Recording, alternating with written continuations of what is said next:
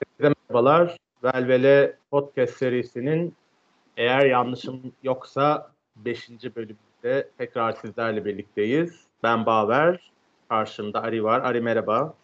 Merhaba Baver. Nasılsın? Fena değilim, iyi. iyi. Sen nasılsın? Ben de iyiyim. Sanırım bir ay önce kaydettik son bölümü.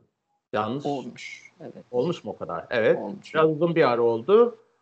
Ee, ama işte konuşasımız nihayet geldi. Ee, gündem de yoğun. Ee, biz bu bölümde son sanırım bir hafta, hmm, evet bir ya 10 gündür e, gündemimizi meşgul eden, sinirlerimizi bozan ve bizi sayısız negatif duyguya e, e, gark eden Diyanet'in o Melun açıklaması ve sonrasında yaşananlar üzerine konuşacağız. Niyetimiz yani bu açıklamaların spesifik olarak bunlar üzerine değil de biraz daha geniş bir yerden LGBT hareketinin bu süreçten nasıl etkilendiği, etkileneceği, geçmiş, bunun arkasında ne olduğu ve biraz da belki ileriye dair birkaç öngörüler, akıl yürütmeler yapacağız. E, niyetimiz bu. E, kısaca neler ne olduğunu belki özetleyerek bilmeyen, hatırlamayanlar için e, doğru olur. E, Diyanet İşleri Başkanı e, İslam yaptığı bir konuşmada sanırım Ramazan ilk günüydü. Ee, yine o bildiğimiz hepimizin artık ezbere ezberlemek zorunda bırakıldığı bütün o argümanları şu çürük çürümüş argümanları e, konuşmasında e, yeniden dillendirdi. Lut kavmi dedi, eşcinselliğin lanetlenmesi dedi, hastalıkları yayıyorlar dedi. E, oradan lafı e, HIV pozitif meselesine bağladı manasız, gereksiz, lüzumsuz e, bir konuşmaydı. E, bizim vergilerimizle Mercedes'e binen e, sevgili Diyanet İşleri Başkanı'nın bu gereksiz, lüzumsuz açıklaması e, tam da Ramazan'ın e, Ramazan'la birlikte e, cereyan ettiği için e, ister istemez neler olacağına dair biraz e, kafa bir gerginlik yaşasak da arka ardından arka arkaya çeşitli e, barolardan bu açıklamaya karşı insan hakları, LGBT'lerin haklarını gözeten ve onlardan yana durup Diyanet'in açıklamalarını ve nefret söylemini eleştiren açıklamalar geldi. E, sonrası tufan. Gerçekten takip etmekte de biraz zorlandık artık artık kim ne diyor, neden diyor meselesini ama iki tane e, ya üç maddemiz oldu. Biri LGBT haklı, LGBTİ hakları insan haklarıdır. E, hashtag'i ve bera, onun karşısına e, ak trollerin çıkardığı diğer hashtag savaşıydı. Oradan yanlış yorumlamıyorsam LGBT'yi ve destekçileri küçük bir zaferle ayrıldı o hashtag savaşından. Ardından da e, Diyanet kapatılsın meselesi yeniden tabii ki gündeme geldi ve şimdi e, bu LGBT'lerden yana açıklama yapan barolara yönelik sosyal medyada yine aynı aktroller tarafından korkunç bir saldırı dalgası var. E, çeşitli öngörüler var. E, biraz aşağı yukarı olan bunlardı. Şimdi Ari sen nasıl biraz belki öyle başlayabilir. Sana neler hissettirdi bu gündem, Diyanet'in açıklaması ve sonrasında yaşananlar e, belki biraz neler hissettiğimizle başlayabiliriz. Ee, sinirlendim ben. yani en net şeyim oydu. His soruyorsan sinirlendim. Çünkü yani ne alaka bir dakika durun yani biz neyin içinde debeleniyorduk Şimdi Diyanet neden tekrar bize e, nefret kusmaya karar verdi tam bu zamanda bugün de diye bir e, sinirim hopladı tabii ki. Ama şey dediğin gibi yani hani hemen e, karşı yani karşı çıkan ve tepki gösterenler olduğu için en azından birazcık böyle bir e, rahat nefes alabildim. Çünkü gerçekten bir yandan hani bir küresel salgının içindeyiz, evlerde kapalıyız, bambaşka bir sürü sorunla iç içeyken hani LGBT artılar içinde diyorum. E, bir yandan da bu kadar net ve sabit bir e, nefretin doğrudan hedef gösterilmenin hani e, şey bunun hani gerçekten böyle bir mantıklı bir yanını göremiyorum ben. Hala göremiyorum. Oradan sinirlendim. Ama şöyle bir şey e, oradan gireyim hemen söyleyeyim mesela. E, bu tabii ki hani Sünni Müslümanların tek bir ses olduğunu iddia eden Diyanet'in açıklaması ya da işte e, güzel tabiriyle nefret hutbesinin e, İslam'ın şartları, İslam'ın gerekliliklerini tartışmaya vesile olup olmaması açıkçası bireysel olarak benim çok e, öncelediğim bir konu değil. Bu İslam üzerinden yapılan tartışmalar ya da Müslümanlıkta işte LGBT artının konumu nedir, işte doğru mudur değil midir bu söylenenler falan. Bu tartışmayı ben bir e, şey önemsiz görmüyorum ama bir kenara koyup asıl buradaki benim e, kafa yorulması gerektiğini e, düşündüğüm kısım şey. Sonuçta bu, bu burada e, hutbenin sonundaki cümleye bakarsak e, bir eyleme çağrı var. E, neydi bu cümle söyleyeyim hatta hemen. Geliniz bu tür kötülüklerle insanları korumak için birlikte mücadele edelim. Şimdi bir devlet kurumu olan Diyanet'in başkanının e, ve Sünni Müslümanları temsil ettiği varsayılan bu kişinin e, LGBTİ artıları doğrudan hedef gösterip bunlara karşı da birlikte mücadele edelim diyor olması hani bunun artık yanı yok. Hani bence burada e, diğer önceki detaylara girmeden önce şu son cümleye bakmak bence yeterli hani bunun bir e, nefret çağrısı olup olmadığını anlamak için diye düşünüyorum. Evet. E, kesinlikle ben de aynı seninle benzer şeyler hissettim ilk e, duyduğumda ve okuduğumda. Bende de yarattığı şey biraz öfke, sinir ve biraz da kaygı idi. E, ve yani senin söylediğin şeyleri tekrar etmeyeyim tekrar çünkü gayet benim de aklımdan geçen ve sinirimi bozan yerlere dikkat çektin. Benim bir ekstra bütün bu şeyde kafam bir yer şeyden karıştı yani. Bu bu senaryo da e,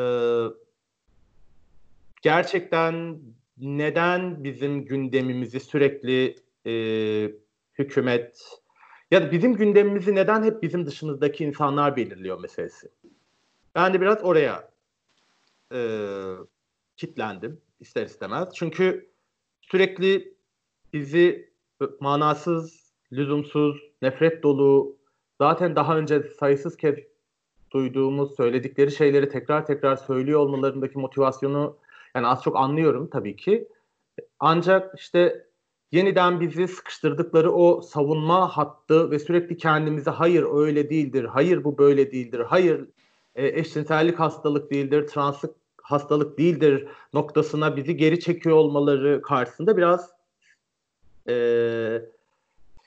hmm, o çık- çıkışsızlık hissi geldi biraz beni buldu. Bütün o öfkenin ve şeyin yanında. Ama daha sonra işte biz telefonla konuştuğumuzda senle o konuşmak da iyi geldi gerçekten. Ee, biraz aslında sakinleyince yani o curcuna o sırada o geceyi atlattıktan sonra biraz sakinlediğinde de işte aslında bu bölümü kaydetmeye karar verdiğimiz konuşmayı yaptık telefonda. Çünkü aslında burada bir şey oluyor. Hmm, yani bildiğimiz zaten çok ezbere bildiğimiz, tanıdığımız bir şey duyuyoruz. Lakin e, bunu nasıl okuyacağız kısmıydı. Nasıl yorumlamalıyız? Buradan ne öngörmeliyiz kısmıydı. E, ve bu tartışmayı biz mi yürütmeliyiz yoksa gerçekten mesela kendini Müslüman olarak tanımlayan ancak işte siyasal İslam'ın dışında durduğunu iddia eden ve işte buna dair eleştirileri olan insanlar mı yapmalı kısmında benim biraz kafam karışık şimdi. Tabii ki biz yapacağız, konuşacağız, edeceğiz ancak yani tartışmayı İslam üzerinden yürütmek ne kadar sağlıklı kısmı benim de kafamı biraz kurcalıyor. bana hiç sağlıklı gelmiyor açıkçası. Evet. Ya şöyle bir yerden de düşünüyorum hani e, bir, bir, bir tek sadece zaten burada e, İslam ya da işte Müslüman kimliği üzerinden gitmiyor biliyoruz ki. Çünkü zaten hani bağımsız bir e, bir yerin işte bir sözcüsü konuşmuyor. Yani bir devlet kurumunun e, şey dini işlerle ilgilenen bir devlet kurumunun ki işte bu da zaten tartışmalı olan kısımlardan biri. E, başkanı konuştuğunda burada bizim bütün devlet politikasını, bütün işte toplumsal e, gerçeklikle o politikaların çıkıştığı yerleri, eşitsizlikleri, adaletsizlikleri tartışabiliyor olmamız lazım. Yani bu sadece İslamiyet ve işte bir takım marjinal gruplar diye ayrıştırılarak bunu bize e, söylüyorlar aslında. Bu, bu sözün üzerinden mi tartışmayı kuracağız gerçekten? Bence değil. Yani burada herkesin e, paydaş olması gerekiyor bu tartışmada bence. Çünkü burada bir de kimlik siyaseti var bence. Hani ona biraz girelim mi? Ne Yok dersin? yani var. Tabii tabii bence.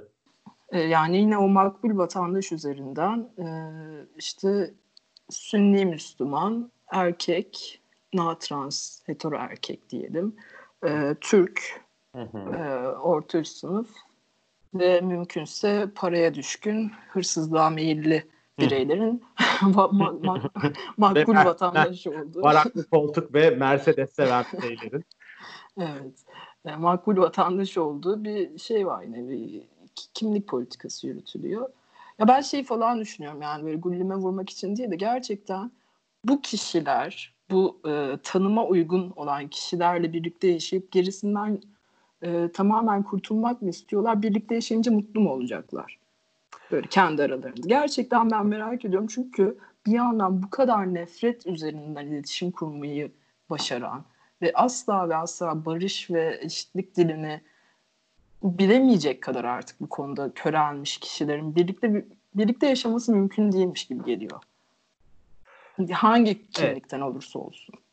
Ya bence dediğin bu, bu yani bu kadar nefret dolu insanlar birbirlerine nasıl tahammül gösterecekler zaten. Hadi diyelim ki bizi sınır dışı ettiler. Hadi bizi öldürdüler, yok ettiler, bir şey oldu. Becerebilirlerse. Ee, ama zaten sorun e, mesela bizi bu kadar dillerine dolamaları, bu kadar öne atmaları, bu kadar hedef haline getirmelerindeki şey aslında biraz da bu şey sesleri bastırma amacı güdüyor olabilir mi diye düşünüyorum. Huzursuzluğu, var olan durum karşısında bir şeyleri fark etmeye başlayan kendi kitlelerindeki insanları manipüle etmek için yapılıyor olabilir mi? Yani hükümetin, yani bu partinin, Diyanet'in homofobisini, kadın düşmanlığını, ırkçılığını mezhepçiliğini biliyorum. Yani hani yıllardır var ayrı ama bu bu döngü beni biraz şey yapıyor, yorucu geliyor. Sürekli hmm, bu saçma nefret dolu açıklamalara karşı ya bize yeni bir şey söyleme fırsatı da vermiyor. Bilmiyorum yani evet. doğru ya anlatabiliyor muyum acaba? Yani biz 20 yıldır aynı şeyleri söylüyoruz. Söylemek zorunda kalıyoruz. Yani ben artık mesela gerçekten birine eşcinselliğin hastalık olmadığını söylediğimde falan utanıyorum bu insanlar için. Çünkü yani işte bu Almanya'daki doktor meselesi, başka yani bir sürü şey var. Yani bir hekim olarak eşcinselliğin ve transseksüelliğin hastalık olduğunu belirtmek isterim gibi tweetler atıyorlar. Ben artık diyorum ki nasıl ya yani o dersten siz nasıl geçtiniz? Siz nasıl hekim oldunuz? Kim sizi mezun etti? Derste size ne anlattılar? Yani bu kadar mı hiçbir şey bilmiyorsunuz diyorum. Sonra diyorum ki Baver saçmalama tabii ki biliyorlar. Zaten işleri gerçeği eğip bükmek olduğu için bunu söylüyorlar falan ama işte şey yorucu ee, sürekli bu şeyleri tekrar etmek zorunda bırakılmak da bir şiddet biçimi ve bu şiddeti sürekli yaşıyor olmak daha ne kadar bunu idare edebiliriz kısmı bende biraz şey soru işareti. Yorucu, ya, yorucu. Çok yorucu bence de. Ya ben o kısmına çok katılıyorum ama bir yandan da biliyoruz mesela bunu da defalarca her seferinde söylemek zorunda kalıyoruz ama işte ne tıp ne e, hukuk ne başka hiçbir şey disiplin veya alan Hani bunların hiçbiri esasında e, azade değil e, işte cinsiyetçilikten, homofobiden, transfobiden. Hani bunları biz mücadeleyle dönüştürebildik. Aslında çok da eski değil bu dönüşümler. E, ama dönüşmekte direnenler veya işte aslında o dönüşüme karşı çıkan çünkü muktedirin sözüyle hareket etmek isteyip e, aslında yani nasıl diyeyim istek mevzusu da değil. Yani buradan bir pay elde etmeye çalıştığı için yine menfaat menfaati için işte muktedirin sözüne uygun davranmayı tercih edip bütün bu e, değişimleri kenara itmeye çalışan birileri de çıkıyor. Yani bu da müferit bir durum değil zaten her seferinde oluyor. E, ama yani tıpta, hukukta hiçbiri de şey azade değildi. Yani bütün bu mücadelelerin sonucunda zaten değişimler yaşandı. Hukuk derken de bu baroların açıklamasını mesela ya ben ilk başta birazcık daha işte o öfkeli olduğum günlerde sert düşünüyordum da bir yandan da içim içimi yiyordu yani bu kadar da sert olma falan diye. Çünkü baroların açıklamaları özellikle Ankara Barosu'nun hani e, şimdi başına da bir sürü iş geldi baro başkanı vesaire baro uğraşıyor şu anda da. E, orada mesela şey vardı ya bu bunu birazcık böyle çıtlatmak istiyorum işte meşalelerde meydanlarda cadı diye kadın yakmaya davet etmesi kimseyi şaşırtmaz hani yakında Hı. falan demişti. Hani bu tabii ki bir hmm, kinaye mi yapmışlar artık bilmiyorum. Hani sonuçta birazcık daha böyle olayı somutlaştıracak bir örnek vermeye çalışmak belki ama hani toplumsal gerçekliğiyle Türkiye'nin de şu anki toplumsal gerçekliğiyle de hani süper örtüşen bir durum değil. Zira yaşanıyor bu. Hani elde meşale değil belki ama her türlü ayrımcılık, şiddet, katliam halihazırda yaşanıyor. E, kaldı ki yani yakılma dahi yaşanıyor yani. Ruhu şad olsun Hande kadar böyle bir cinayete kurban gitmişti. E, yani bu tarz böyle birazcık galeyanı getirici tavırlar da belki hani buna dikkat etmek gerekiyor gibi geliyor bana. Çünkü var olan gerçekliği tartışabiliriz yani. Çok geçmişe veya başka benzetmelere çok ihtiyaç yok gibi geliyor. Hani böyle bir yerden söylemlerimizi kurmak da verimli olur gibi Yani bu şey gibi bence belki onu yani Lut kavminin karşısına sürekli yakılan cadıları koymamızın e, çok da bugün evet. için, bugünkü tartışmalar için bir anlamı yok. Çünkü zaten o Lut kavminin sürekli altının çizilmesi zaten bizi gerçekliği tartışmamızı engellemek için yapılıyor. Biz sürekli Lut kavmi meselesini durup durup durup durup durup durup e, neyin ne olduğunu anlatmaya bizi zorladıklarında ve bunun öyle olmadığını defalarca dillendirmek zorunda kaldığımızda zaten aslında biz gerçekte bu nefret e, dolu hut, hutbenin kendisini tartışamıyor oluyor. Aynen. Evet. O yüzden ben de tam öyle bir yerden evet. düşünmüştüm. Yani iyi niyetlerinden tabii ki hiçbirimizin şüphesi yok. Ona yani sözümüz de yok. Ancak biz bu tuzağa düşmemeye özen göstermemiz gerekiyor. Çünkü bizi zaten çekmek istedikleri yer e, çeşitli tartışma bulutları yaratıp bir karmaşa yaratıp asıl gerçekliği konuşmamızı engellemek ve dikkat çekmemiz, parmakla göstermemiz gereken yeri e, şaşırtmak için yapılıyor. Bunlara belki dikkat etmek biraz daha, belki ise LGBT örgütlerini den görüş almak bu noktada faydalı olabilir. Yıllardır çeşitli hak örgütlerine şey yaptığım tavsiyelerden biri. Açıkla, açıklamayı yayınlamadan önce bir bize yollayabilir misiniz? Ricası. Belki öyle bir şey olur. Bu arada bütün o bar, destek çıkan barolara kolay gelsin. Bu süreci tabii ki yalnız beraber geçireceğiz. Beraber mücadele edeceğiz. O konuda umuyoruz ki birbirimizi yalnız da bırakmayacağız. Ee, buradan belki biraz şeyi konuşabiliriz aslında. İşte bu Hilal Kaplan'ın ve daha sonrasında Nihal Bengüsü Karaca'nın hemen e, satranç tahtasında yerlerini aldıkları yazıları. E, yani Hilal Kaplan meselesini yani yazın içeriğine dair sen bir şeyler söyleyeceksin ama ben biraz Biji Diva diye açıklama yapmış bir örgütün örgütteydi genç sivillerde.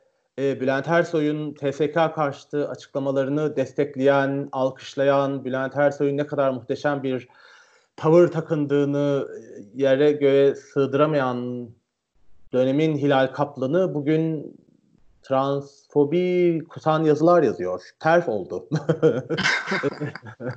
terf, terf sayfasının göze aydın Hilal Kaplan da halaya katıldı onlarla birlikte. Biraz o yazıdan ve o yazıda aslında refere ettiği şeyler üzerine sen bir şeyler söylemek istersin diye lafı buraya bağladım. Ee, tamam. ya Hilal Kaplan, Hilal Kaplan yazdı diye değil ama evet. aslında çok e, yaygın olan görüşleri dile getirmiş oldu. O yüzden hadi onun üzerinden diyelim. Yoksa ben Hilal Kaplan'a hiçbir şekilde prim veresim yok açıkçası. Ee, ya yazsın o gazetemsi yerde. Primleri, çekler çok yüksek ya. Biz versek vermesek de işte. Biraz ben aslında bu e, bugün yaratmaya çalıştıkları gündemin Türkiye'ye uyarlamaya çalıştıkları gündemin aslında başka ülkelerde de benzer yerlerden devam ettiğini bağlarız diye lafı buraya getirmiştim. Yani ABD'de de bu translarla ilgili şeyler e, uzun süredir yani bir süredir bu tartışmalar sürüyor. İşte yasalar, yaptırımlar, dini düzenlemeler, çocuklarla ilgili meseleler falan. Biraz belki oradan onlara yani bu, bu, bu gündemlerin paralelliği üzerine bir şey konuşabiliriz diye düşünmüştüm. Ama e, e, evet paralel çünkü zaten e, yabancı kaynaklardan aldıklarını çok iyi bir çevirmenle üzerinde çalışmış gibi görünüyor bu yazıda. çok iyi bir çevirmen dedim çünkü yani hani doğrudan birebir çeviri değil de biraz yerelleştirme çalışması da var orada. e, şöyle düşünüyorum aslında birazcık işte bir e, karşı kanat oluşturmak için metin çalışması bu. E, yani bu nedir işte sadece e, konudan bir haber bütün politik tartışmalardan bir haber insanlar işte Aa, acaba birisi yanlış bir şey mi söyledi diye şüpheye düşmesin diye e, kendi yandaşları için diyorum ya da kendi destekçileri. Aa, acaba hata mı ettik diye şüpheye düşmeyin hata etmedik bakın böyle böyle de şeyler var diye bir bilgilendirme metni yayınlamış açıkçası. Bu metinde işte evet yurt dışındaki kaynaklardan bir güzel derlenmiş. Ee, Şöyle bir şey bence senin ilk başta da söylediğin gibi 23 Nisan'da işte LGBT artı çocuklar vardır hashtag'i de işte bunu sanırım Twitter'da TT evet. oldu galiba. Evet. 23 hani, ha, hemen bunun ardından zaten olması mesela kendi yazısında da geçiyor 23 Nisan. Hani birazcık içlerine sindirememişler gibi görüyorum ee, ama bu LGBT artı çocuklar, e, trans çocuklar tartışması zaten e, çok uzun zamandır yürüyor çeşitli farklı ülkelerde de. İşte terflerin birazcık ortaya çıkışı, daha doğrusu kendilerine e, belli edişleri de böyle bir tartışma üzerinden çıkmıştı biliyorsun. ee, ben bu konuda çok fazla bir şey diyemeyeceğim çünkü biz zaten dedik hani bu e, başlıklar bizim için yeni değil bu tartışmalar hiçbir zaman yeni değildi. Bütün politik mücadelemizi zaten bu e, kıt görüşlü fikirlerle mücadele iyi de kapsayacak şekilde yaptığımız için hani Hilal Kaptan o yüzden prim veresim yok dedi. Evet. Ama e, ciddi bir çalışma var burada. Şöyle bir çalışma var. Bu sanki hani önceden hazırlanmış. Önceden böyle dosya duruyormuş da raftan indirilmiş gibi görünüyor. Ee, eğer böyle bir durum varsa ve bu böyle devam edecekse de biz zaten hani başka ekstra bir şey yapmayacağız. Biz zaten on yıllardır söylediğimiz şey ve e, yaşam hakkımızı savunmaya devam edeceğiz. İnsan haklarımızı, temel haklarımızı savunmaya devam edeceğiz. Yani burada bana hiç yenilikçi bir şey gelmedi. Sadece şu yenilik var. E, bu e, topyekün bir şeye dönüşüyor gibi görüyorum. E, işte Ali Erbaş'tı değil mi Diyanet İşleri Başkanı'nın evet. Yalnız değildir dediklerinde evet biliyoruz diyesim geldi mesela benim. Maalesef yalnız değil. Çok iyi biliyoruz. Gerçekten. yani bu gerçekten münferit bir olay değil. Bu yeni bir şey değil. Evet o da yalnız değil. Bunu çok iyi biliyoruz. Arkasında kimler olduğunu da çok iyi biliyoruz. Kimlerin desteklediğini de e, biliyoruz. Çünkü biz zaten bununla yaşıyoruz yani bunu e, galiba ben bundan biraz sıkıldım yani bu bir ideoloji değil bu bilmem ne değil böyle e, velev ki tercih ama tercih de değil falan ben bunu zaten bilerek yaşıyorum. Hani bunun farkına varmadan yaşama gibi bir lüksüm yok. Hani uzaydan sesleniyor olurdum. Eğer bütün bu tartışmaların, bütün bu ayrımcılığın, bütün bu nefretin farkında değildim de onlar söyleyince farkına vardım gibi uzaydan sesleniyor olurum.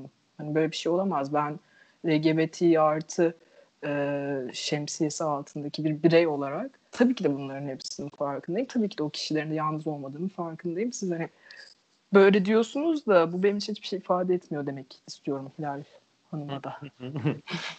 ben ben de açıkçası yani Hilal Kaplan'ın kendisinden ziyade yani vakti zamanında feminist olarak onu kabul eden e, ona söz veren, onu dinleyen, onu bir şekilde bu mücadeleye dahil e, e, eden ve değer veren herkesin e, öz eleştirisini yarın masamızda isteyebileceğimiz bir şey olsaydı keşke ama e, o, o günler geçti. Hilal Kaplan sonuçta hani tarafını e, belli etmiş uzun zamandır nereye, ne için hizmet ettiği, ne için cümle e, söz ürettiği belli olan bir insan. Ama benim ben de yani senin söylediğin şeye sadece küçücük bir ekleme.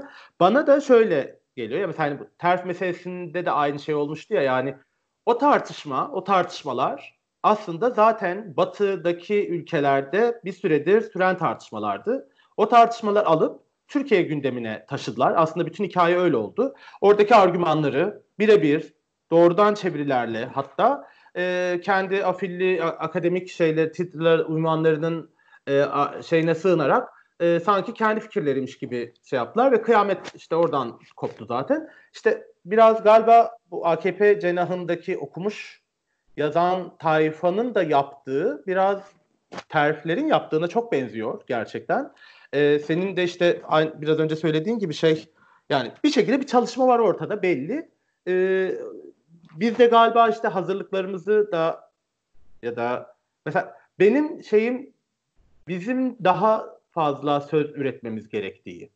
Çünkü eğer bu tartışma, bu mücadele, bu köhne argümanlara karşı yanıt vermek üzerinden sürecekse en azından bu insanların e, neler nelerden neleri kopya ettiklerini bilmemiz ve bunlar üzerine bilginin doğrusunu bu insanlara bu insanların ulaştığı insanlara ulaştırmaya çalışmamız belki. Bilmiyorum. Hilal Kaplan'dan sonra işte Nihal Bengisu'nun yazısı bence Hilal Kaplan'dan daha tehlikeli bir yazı. Çünkü açık açık feminist kadınları LGBT queer insanlara karşı doldurmaya ve bir ikilik yaratmaya çalışan bir yazı. Ee, okumamış kişiler varsa bizi dinleyen belki ben oradan bir yeri e, müsaadenle altını çizmek isterim. Diyor ki e, LGBT bireyler, interseks yok tabii ki hiçbirinin argümanında. Çünkü hashtag LGBT diye açıldı ve oradan devam ediyor. Kadınların uğradığı şiddete ve ayrımcılığa karşı haklı bir mücadele verenlerin pelerini altında meşruiyet buluyor. Bu ortaklaşma hali de kadınların avantajlarından hoşnutsuz olan cinsiyetçi, ben merkezci erkek klanına feminizmi kadın hakları savunucuları ve dolayısıyla kadın hakları mücadelesini çok rahat mahkum etme imkanı veriyor. Ee, arada bir paragraf daha var lüzumsuz. Sonunda da diyor ki Ankara Barosu'nun sergilediği tutum nedeniyle sosyal medyada yine İstanbul Sözleşmesi hedef tahtasına konmuş durumda. Nitekim. Yani İstanbul Sözleşmesi'ne karşı o kadar uzun süredir AKP cenahında saldırı var ki dönüp dola, dolaşıp bunu da LGBT e, hareketin üstüne yıkmış o nefreti. Ve aslında yazı da bir şekilde suçlu LGBTİ hareketi o bireyler yoksa kadınları aslında bu kitle bu kadar saldırgan olmayacak. İstanbul Sözleşmesi'ni de aslında hedef yapmayacaklardı. Dertleri aslında LGBT'ler, feminist kadınlar, siz de bakın ona göre davranın çağrısı yapmış. Yani bu kadar gerçek anlam karmaşası çok üzerinde çalışılarak yapılabilir ancak zaten. Evet. Bir de şey anlam karmaşasından ziyade burada bence kork hani korkunç bir niyet var. Ve bu niyeti çok belli etmişler. Bence asıl bütün ya ben Diyanet'in falan tart şeyinden o ta, açıklamalarından falan daha tehlikeli bulduğum yer ben, ben öyle söyleyeyim yani bütün bu şeyde 10 günde bütün karmaşanın içinde beni en çok geren ve e, telaşlandıran şey Nihal Bengisu Karaca'nın yazısı. Ee, çok haklısın bence. Ama şöyle bir yerden de düşünmek lazım yani bu kişi böyle yazmış olabilir de muhatabı kim? Çünkü LGBT artı hareket politik mücadele olarak düşündüğümüzde bu hareket ile feminist hareket tamam son dönemlerde veya ara ara e, her zaman e, gerilimler olmuş olsa da transfobi üzerinden özellikle e, çok uzun süre yan yana birlikte yol almış hareketler. Yani bu e, anlam karmaşası yaratmak dediğim bu sanki böyle bir geçmişimiz yok, sanki böyle bir ortak mücadele zeminimiz yokmuşçasına bizi birbirimize tanıştırmaya çalışıp bak onlar da kötü demesi bana e, şey geliyor, farazi geliyor. Hani böyle bir e, şey e, illüzyon yaratılmaya çalışılıyor bence. Çok da hani ciddiye almamak lazım gibi geliyor. Çünkü hani az çok hepimiz de biliyoruz yani çok eski tarihte değil 20-30 yıllık bir geçmişe baktığımızda zaten bu sözler boşlukta uçuşuyor yani hiçbir yere de denk gelmiyor esasında. Evet. Yok ben de yani kesinlikle hani feminist hareketin Nihal Bengisu Karaca yazısı okuyup birden LGBT'yi hareketle ilişkilerini keseceğini zaten düşünüyorum ama buradaki niyet bence bizi yani önümüzdeki süreçte mücadele edeceğimiz şeyi belli ettiği için evet. işte e, biz sanırım bir önceki bölümde bile bir şekilde hani sözü hep dayanışmanın önemine özellikle bu süreçte geçirmiştik ama e, bütün bu süreci belki de bizi ayakta tutacak ve bu mücadeleyi daha e, şekle yapmamızı sağlayacak şey yine yıllardır zaten yaptığımız ve elimizdeki yegane hazine olan o dayanışma olacak. O yüzden bu e, niyeti iyi görmek, bu niyeti E, yaratmaya çalıştığı algıyı nasıl e, boşa düşüreceğimiz üzerine aslında kafa yine de yormamız gerekecek galiba bu günlerde. E, Nihal Bengisu Karaca'nın sonunda avucunu yalayacağı bir süreç olacağına tabii ki eminim. Ama e, nereden çalıştıklarını, nereye vurduklarını, nereyi, nerede şanslarını denediklerini az çok sanırım biraz anlamaya anlamaya şeyiz malzemelere bakınca, sözlerine, yazdıkları yazılara ve açıklamalara bakınca. Evet. Ne kadar ben bir cümle kurdum yani. Çok özür dilerim. Son bir şey söylemek istiyorum. Ondan sonra evet. susacağım. Tamam. Bitirebiliriz. Evet, Sen bit- de anlatırsın söyleyeceklerini e, ekledikten sonra tabii. E, bir derli toplu söyleyeyim de arada çünkü kaynadı şey yapmayayım kendime çelişen şeyler söylediysem toparlayayım istedim. Sinirliyim çünkü hala. Şöyle bir şey. E, ilk başta demiştim ya zaten bu işte bir e, eylem çağrısı Diyanet Başkanı'nın yaptığı yani e, homofobi, transfobi üzerinden bir e, mücadeleye çağırıyor. Bir nefret hutbesi diye adlandırdığımız şeydi. Bundan sonra gelen ve bunu destekleyen söylemler de doğrudan nefreti e, nefret üzerinden eyleme çağrı. Burası tehlikeli. Ama bunun altındaki nedeni de görebiliyoruz. Zaten çok da gizlenmiyor. İşte İstanbul Sözleşmesi'nin iptal edilmesi ya da bunun işte bizim Türkiye'deki ahlak değerlerimize falan ne kadar uymadığı üzerinden bir e, kılıf bulunması çabası. Buradaki e, şey günah keçileri de LGBT'ye artılar seçilmiş durumda. Hani bunu görebiliyoruz. Bunu anlamak çok zor değil. Bu ilk defa uygulanan bir politika değil. Hani e, LGBT artılar üzerinden işte ahlak mahlak, genel ahlak tartışmasının açılması ve onun arkasına sığınılması daha doğrusu. Ama burada işte politik bazı çıkarlar var. İşte İstanbul Sözleşmesi ile ilgili mesela hani bunu nereden e, işte şey yapabiliriz, kötüleyebiliriz gibi bu seçilmiş durumda. Ama burada ben hani şeyde söylemiştim ya bütün paydaşlar, bütün herkese ilgilendiren bir şey. Bu işte İslam ve LGBTİ tartışması falan değil.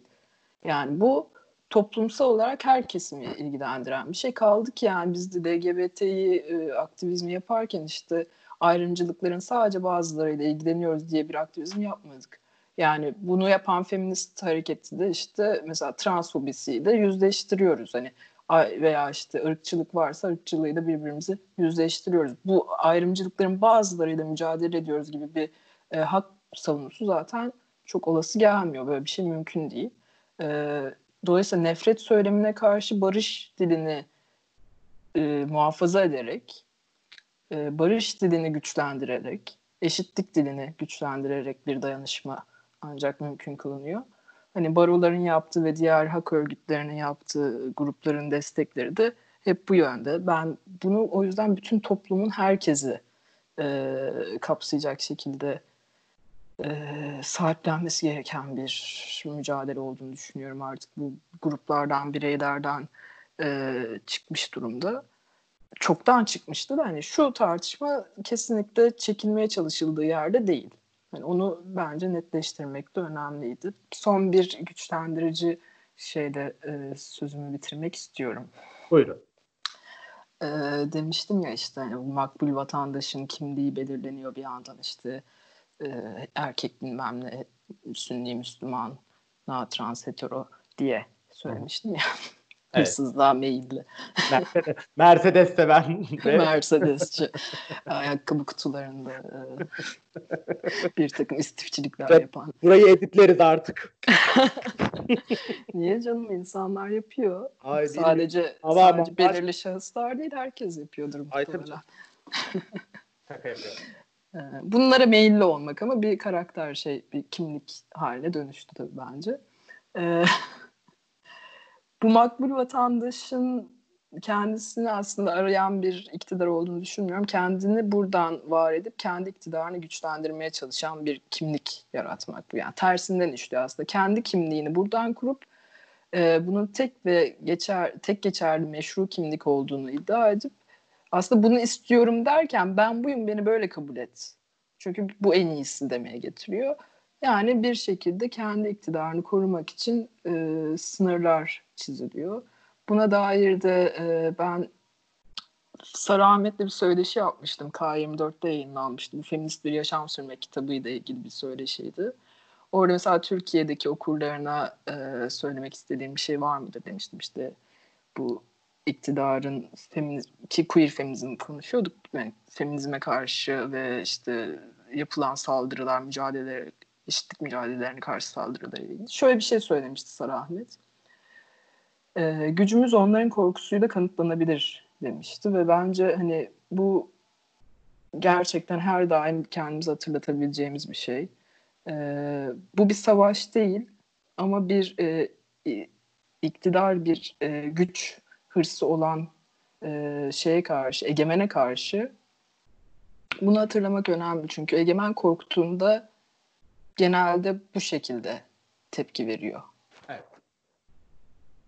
Ve bu da bizim gücümüzü gösteriyor aslında. Yani bu gücümüzü de ancak hep beraber durarak muhafaza edebiliriz. Zaten yani bu şimdi güzel e, yükseltici ve pozitif şeyin üzerine bu ses, kaknem sesimle konuşmaktan biraz utansam da ben de yani bizi dinleyen herkese yeniden şunu hatırlatmak ve söylemek isterim.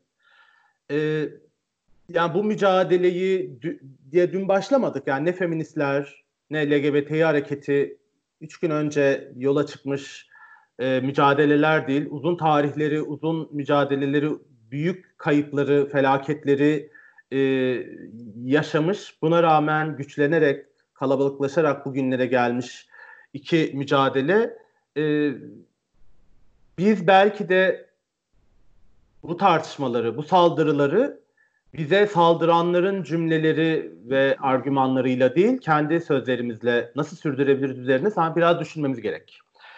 Ama sıkılmadan, yılmadan, bıkmadan söyleyeceğimiz şeyler var tabii ki. Onlardan biri lezbiyen, gay, biseksüel, trans, interseks artı çocukların var olduğu gerçeği. İkincisi LGBT'yi artı haklarının insan hakları olduğu gerçeği. Ee, biz bu iki gerçeklikten ne vazgeçeceğiz? Ne birbirimizi, herhangi birimizi, birimizi bile sizin nefretinize, bu nefrete e, kurban edeceğiz. Elimizden geldiği kadar, dilimiz döndüğünce, sesimiz çıktığınca. E, bu nefrete karşı elimizde ne olduğunu, neler yapabileceğimizi biliyoruz. Yıllardır yapıyoruz. Sonuçta AKP Türkiye'si de üç günlük değil. Yani Ali Yakabaf'ın vakti zamanında yaptığı açıklamalar, LGBT dernek olma süreçlerinde dernekleri kapatma girişimleri, yani sayısız süreç geçirdik. Bunlar AKP'nin LGBT hareketini ilk kez hedefe aldığı zamanlar değil. Ee, biz mücadele etmeye devam edeceğiz bu nefrete karşı ve e, nasıl mücadele edeceğini en iyi bilen insan gruplarından biriyiz. E, şunu da özellikle söyleyeyim yani kadın feminist hareket ve LGBT hareket dışında bir de bu siyasal İslam'ın hayatını mahvettiği Müslüman feminist kadınlar var. Onlar da yalnız değiller ve biz senin de az önce söylediğin gibi herhangi bir ayrımcılığı, dışlanma deneyimini, e, nefret hedefin hedefine getirilmiş grupları e, kendimizin sürdürdüğü mücadeleden de ayırmıyoruz. O yüzden bu mücadeleler hep birlikte sürmeye, dayanışarak büyümeye ve ses çıkarmaya devam edecek. E, biz iyi yoldayız ve bütün bu korkunun, bu saldırının nedeni de bizim artık susmuyor ve geri adım atmıyor oluşumuz. Ee, sonunda geri adım atacak olan onlar biz e, o ne derlerdi e, kafamız dik yürümeye ve e, şarkılarımızı söylemeye, kahkahalarımızı atmaya devam edeceğiz. Nasıl? Güzel oldu mu?